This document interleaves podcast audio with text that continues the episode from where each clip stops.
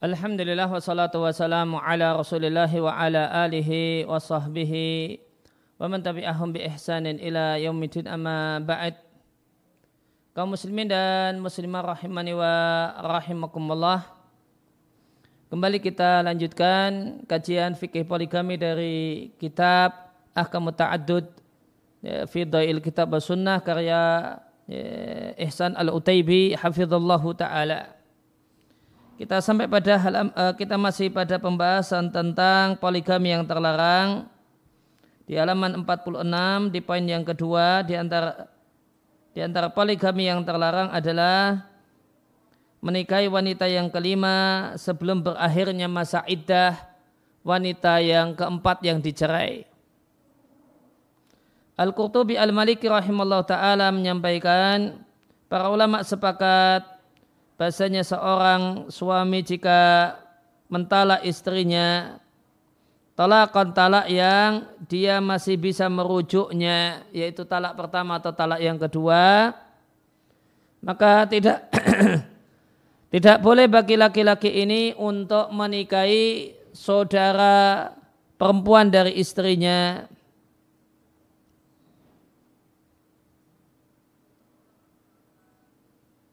atau menikahi wanita yang genap keempat selain istrinya sampai berakhir masa idah wanita yang dicerai.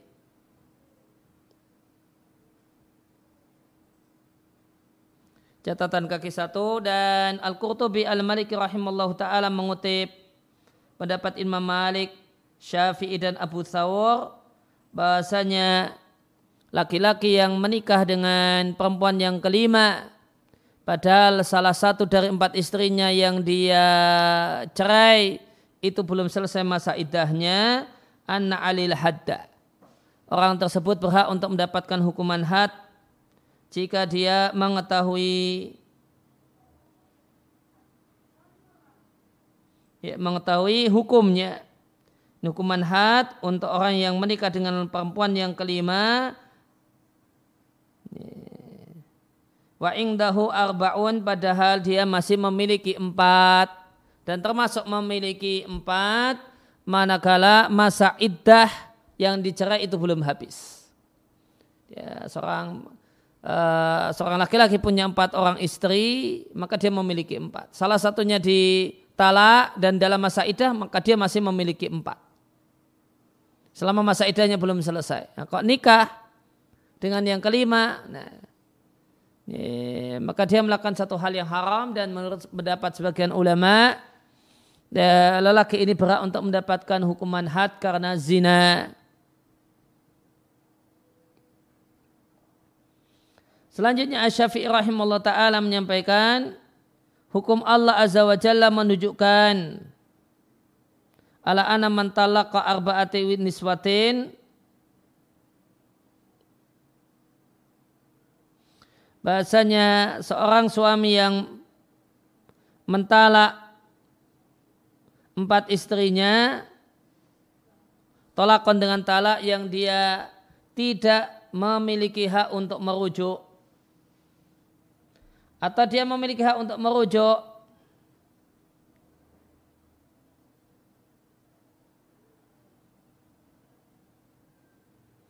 yeah atau arba di sini yang keempat begitu mungkin.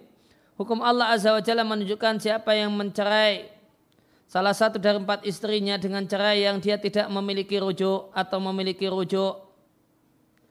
Falaisa wahidun minhunna fi iddatihi iddatiha dan tidaklah salah satu darinya dalam masa idahnya artinya masa idahnya sudah selesai maka halal bagi laki-laki ini untuk menikah menggantikan ya, empat istrinya tersebut arbaan dengan empat wanita yang lainnya. Karena dia tidak memiliki istri dan ya, wala iddata alihi dan dia dan laki-laki itu tidak memiliki masa iddah. Demikian juga boleh baginya menikahi saudari perempuan salah satu dari mereka Ya, maka Asyafi'i di al-um mengatakan seandainya ada laki-laki punya empat orang istri, empat-empatnya dicerai. Dan semuanya cerai yang tidak bisa dirujuk, cerai tiga semua.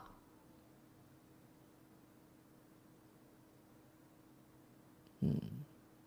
Maka boleh baginya nikah dengan empat perempuan yang lainnya.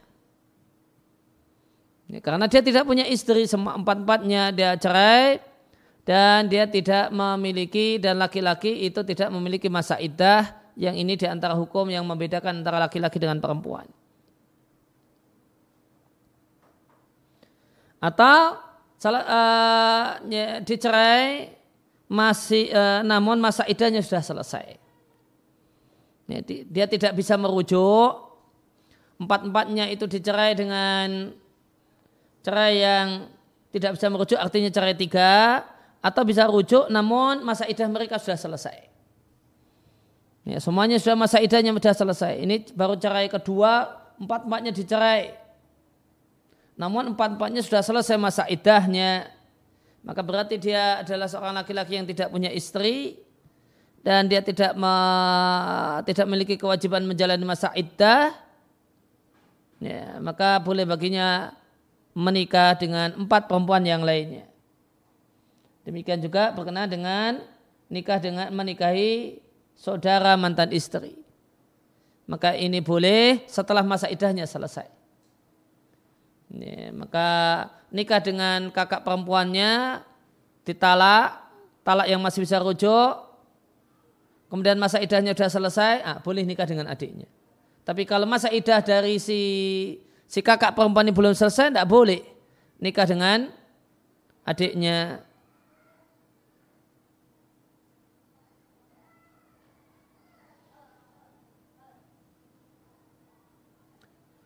Ini Mungdir mengatakan wa ajma'u dan mereka bersepakat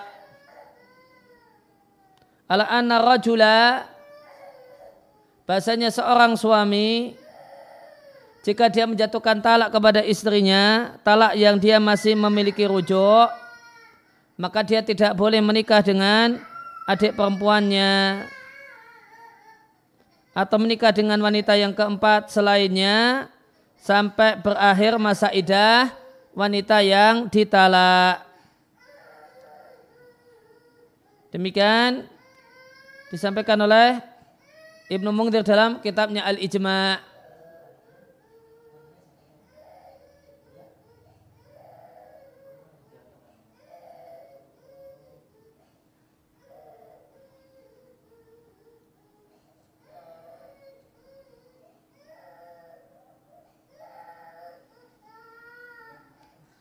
Ya, uh, break sebentar.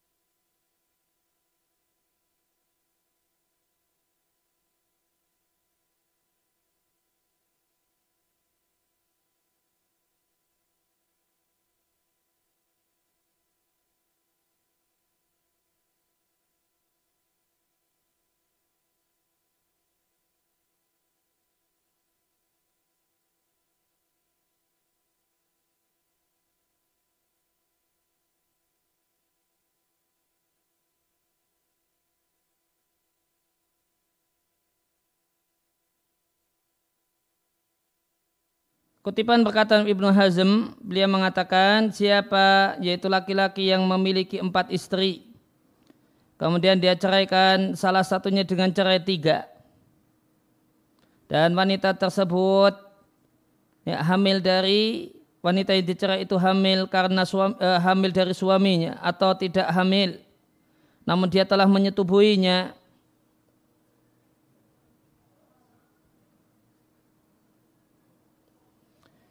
Idkanat fi idkanat fi ismatihi jika dulu adalah dalam pernikahan dengan suaminya atau infasakha nikahuha minhu batal pernikahan perempuan itu dari si laki-laki falahu maka boleh bagi laki-laki untuk menikahi setelah dia menceraikannya menjatuhkan cerai kepadanya boleh baginya uh, menikahi wanita yang keempat yang lain wanita untuk menggenapi supaya istrinya jadi empat atau menikahi saudarinya atau saudari dari wanita yang dicerai atau bibi dari wanita yang dicerai. Atau binti akhiha keponakan perempuan dari wanita yang telah dicerai baik dari jalur saudara laki-lakinya atau dari saudara perempuannya wa biha kemudian mengumpuli istri tersebut. Adapun jika dalam talak rajai, talak pertama atau talak kedua, maka tidak halal bagi laki-laki laki-laki tersebut melakukan hal tersebut madamat fi iddatiha selama si perempuan itu dalam masa iddahnya. Kulto eh, aku katakan wasama kata penulis Kemudian Ibnu Hazm sama menyebutkan jamharatan kathiratan minal ulama. Mayoritas yang sangat banyak dari kalangan para ulama dari era sahabat tabi'in yang berpendapat dengan pendapat ini. Sekian kutipan dari Al-Muhalla. Maka kata Ibnu Hazm jika seorang laki-laki punya empat istri kemudian salah satunya telah dia cerai dengan cerai tiga cerai yang tidak bisa rujuk Baik kondisi istrinya itu hamil ataupun tidak hamil. Ataupun hamil ataupun tidak hamil padahal sudah disetubui. Namun tidak hamil. Atau uh, ada seorang uh, salah satu dari istrinya yang empat ini infasakha batal pernikahannya maka jika maka kita misalnya ambil contoh kasus talak yang ketiga jika sudah ditalak dengan talak yang ketiga salah satunya maka boleh nikah dengan wanita yang kelima untuk mengenapkan empat istrinya atau menikahi adik perempuannya atau menikahi bibinya atau menikahi keponakan dari perempuan yang telah dicerai dengan cerai tiga tersebut.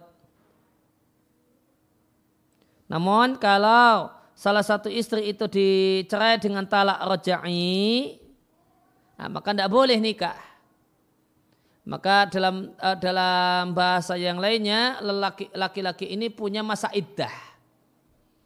Ini untuk bisa nikah dengan adik istrinya, adik wanita yang dicerai, atau menikahi wanita yang kelima untuk menggenapkan supaya punya empat orang istri Nah, maka dia punya masa tunggu harus uh, menjalani masa tunggu sebagaimana istrinya.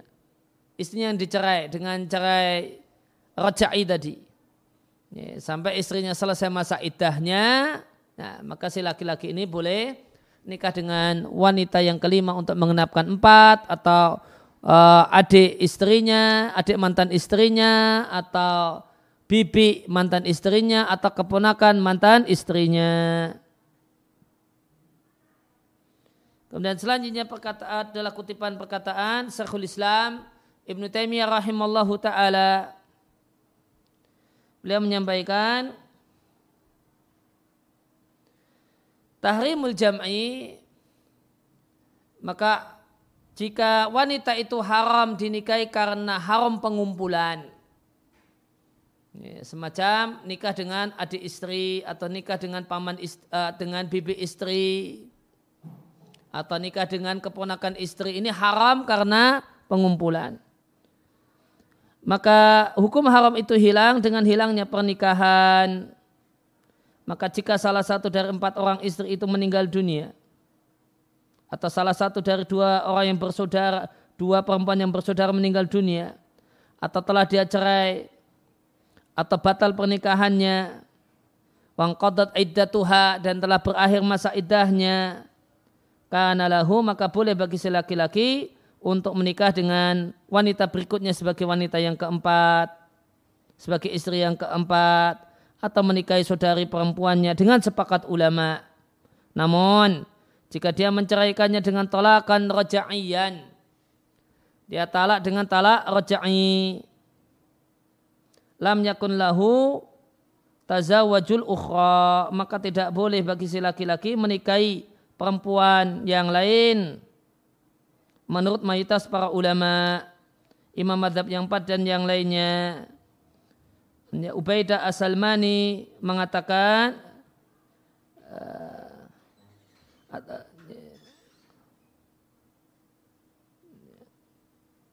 Lam yatafiq ashabun Nabi sallallahu alaihi wasallam.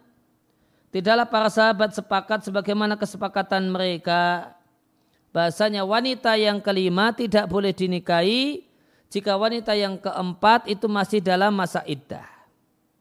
Demikian juga seorang saudari perempuan tidak boleh dinikahi manakala ya, saudari perempuannya yang dicerai itu masih dalam masa iddah. Wadhalika li'anna raja'iyata bimanzilati zaujati. Hal itu karena wanita yang dicerai dalam keadaan dalam masa dengan cerai yang masih bisa dirujuk. Dan itu dalam masa iddah maka itu statusnya adalah istri. Buktinya fa kulan min huma yarisul akhar. Yang satu masih bisa mewarisi yang lainnya. Dan maka jika seorang laki-laki menceraikan istrinya talaknya talak rajai masih iddah si suami meninggal. Maka istri yang masih dalam masa iddah tadi berhak untuk mendapatkan warisan atau si perempuan yang meninggal, maka suaminya dapat warisan dari istri yang yang sudah dia cerai namun masa idahnya belum selesai.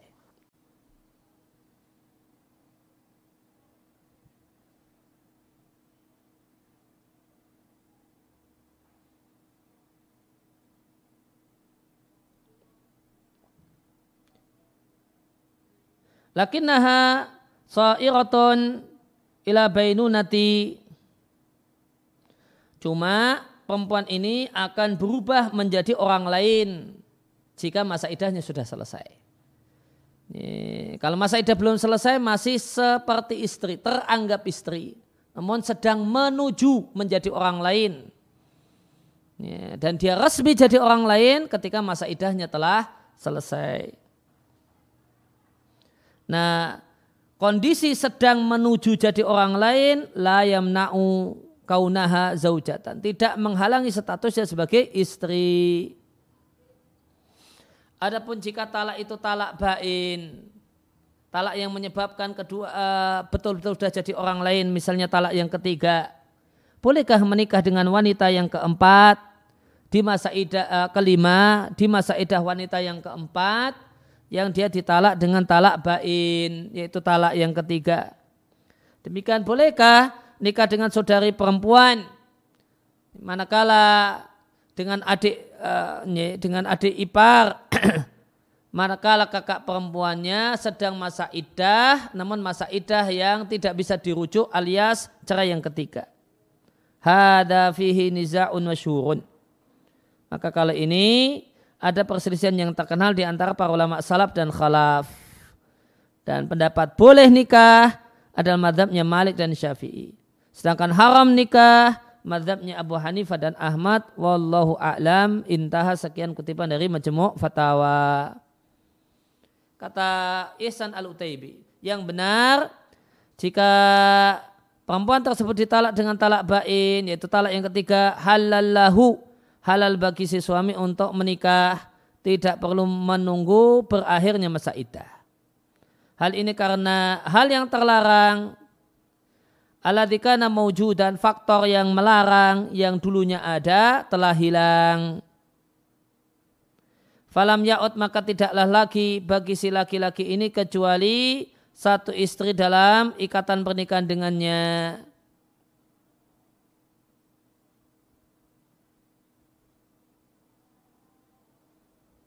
Ya. Maka dia tidak memiliki kecuali satu orang istri dalam ikatan pernikahan dengannya misalnya. Kemudian kakak perempuan yang telah dicerai bibainunah kubro dengan ya, bain besar yaitu cara yang ketiga lam ta'ud zaujatan lahu. Sudah tidak lagi jadi istri. Jika demikian maka boleh nikah dengan adik perempuannya. Jika demikian maka boleh nikah dengan wanita yang kelima untuk menggenapi empat orang istrinya Wahakada dan demikian pula yukalu dikatakan untuk suami yang menjatuhkan talak kepada istri yang keempat dan telah resmi jadi orang lain dari si suami. Kemudian dia nikah dengan wanita yang kelima. Maka ini dibenarkan karena wanita yang keempat sudah tidak lagi dalam ikatan pernikahan dengannya. Walaisat zaujatan lahu. Dan sudah tidak lagi jadi istrinya. Buktinya tarithuhu wa yarithuha. Dia mewarisi dari suaminya dan suami sudah tidak lagi si perempuan mewarisi dari suaminya yang menceraikannya dan si laki-laki sudah tidak lagi bisa mewarisi istrinya yang sudah dia cerai jika talaknya sudah talak tiga. Maka jika talaknya talak tiga itu sudah resmi jadi orang lain. Buktinya tidak saling mewarisi. Jika demikian maka meskipun masa iddah itu belum berakhir boleh Ya, nikah dengan adik perempuannya, boleh juga nikah dengan wanita yang kelima dalam rangka mengenapkan empat istri. Wallahu a'lam. Dan Imam Malik rahimahullah ta'ala mengutip pendapat semacam ini dari Al-Qasim bin Muhammad bin Abu Bakar dan Al-Urwah ibn Zubair. Catatan kaki ada di Musnad Ibnu Abi Syaibah. Ini ada ma kata-kata yang yuhimu memberikan kesan. Annahuma bahasanya dua sahabat ini atau dua ulama ini Al-Qasim bin Muhammad bin Abu Bakar dan Urwah bin Zubair dua-duanya tabi'in. Keduanya berpendapat boleh menikah sebelum berakhirnya masa iddah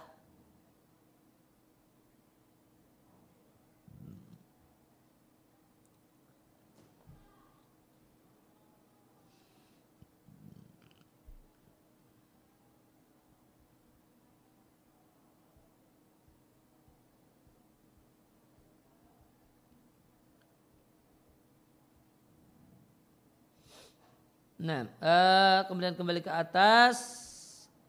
Uh, dinukil al-Qurtubi dari Atta, Zaid ibn Thabit, Sa'id ibn Musayyib, Al-Hasan al-Basri, Ibnu Abi Layla, Abu Thawur, dan Abu Ubaid. Ibnu Mungdir mengatakan, aku tidaklah menyangkanya kecuali itu pendapat Imam Malik dan dengannya kami berpendapat. Sekian kutipan dari tafsir Al-Qurtubi.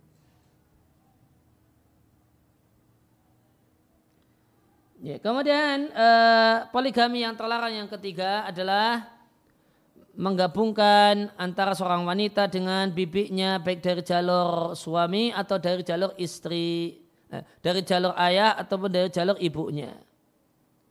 Ibnu Rus Al-Qurtubi Al-Maliki rahimahullah ta'ala mengatakan definisi ammah bibik dari jalur bapak adalah semua perempuan Ya, dia adalah ukhtun lidzakarin lahu, saudara perempuan bagi ya, lelaki yang berjenis kelamin uh, dari laki-laki lahu alika wiladah. Yang laki-laki itu punya hubungan kelahiran denganmu. Ima boleh jadi langsung dan boleh jadi pakai perantaraan laki-laki yang lain. Ya, maka yang namanya amah itu boleh jadi saudara perempuannya ayah atau saudara perempuannya kakek atau saudara perempuannya mbah buyut atau saudara perempuannya kata orang Jawa mbah canggah nah, saudara perempuannya mbah wareng nah, itu semuanya namanya ammah. Sedangkan khala semua perempuan yang dia adalah saudara perempuan bagi seorang perempuan yang dia melahirkan anda secara langsung atau secara tidak langsung dengan perantaraan perempuan yang lain. Maka yang namanya khalah itu saudari perempuannya ibu. Saudari perempuan ibunya ibu. Dan seterusnya ke atas.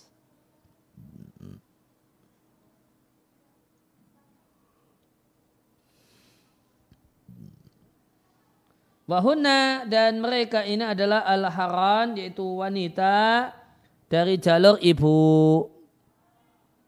Sekian dari kitab Bidayatul Mustahid.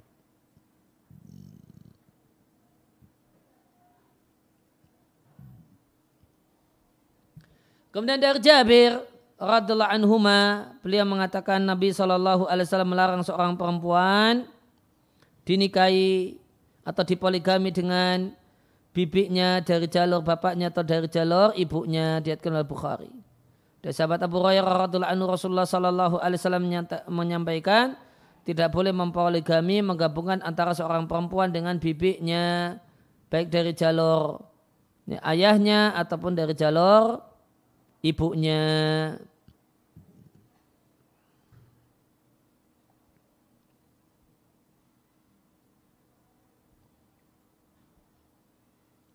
Ya, demikian yang kita baca dan kita telah kesempatan siang hari ini wasallallahu ala nabiyina Muhammadin wa ala alihi washabihi wasallam wa akhu da'wana alhamdulillahi rabbil alamin.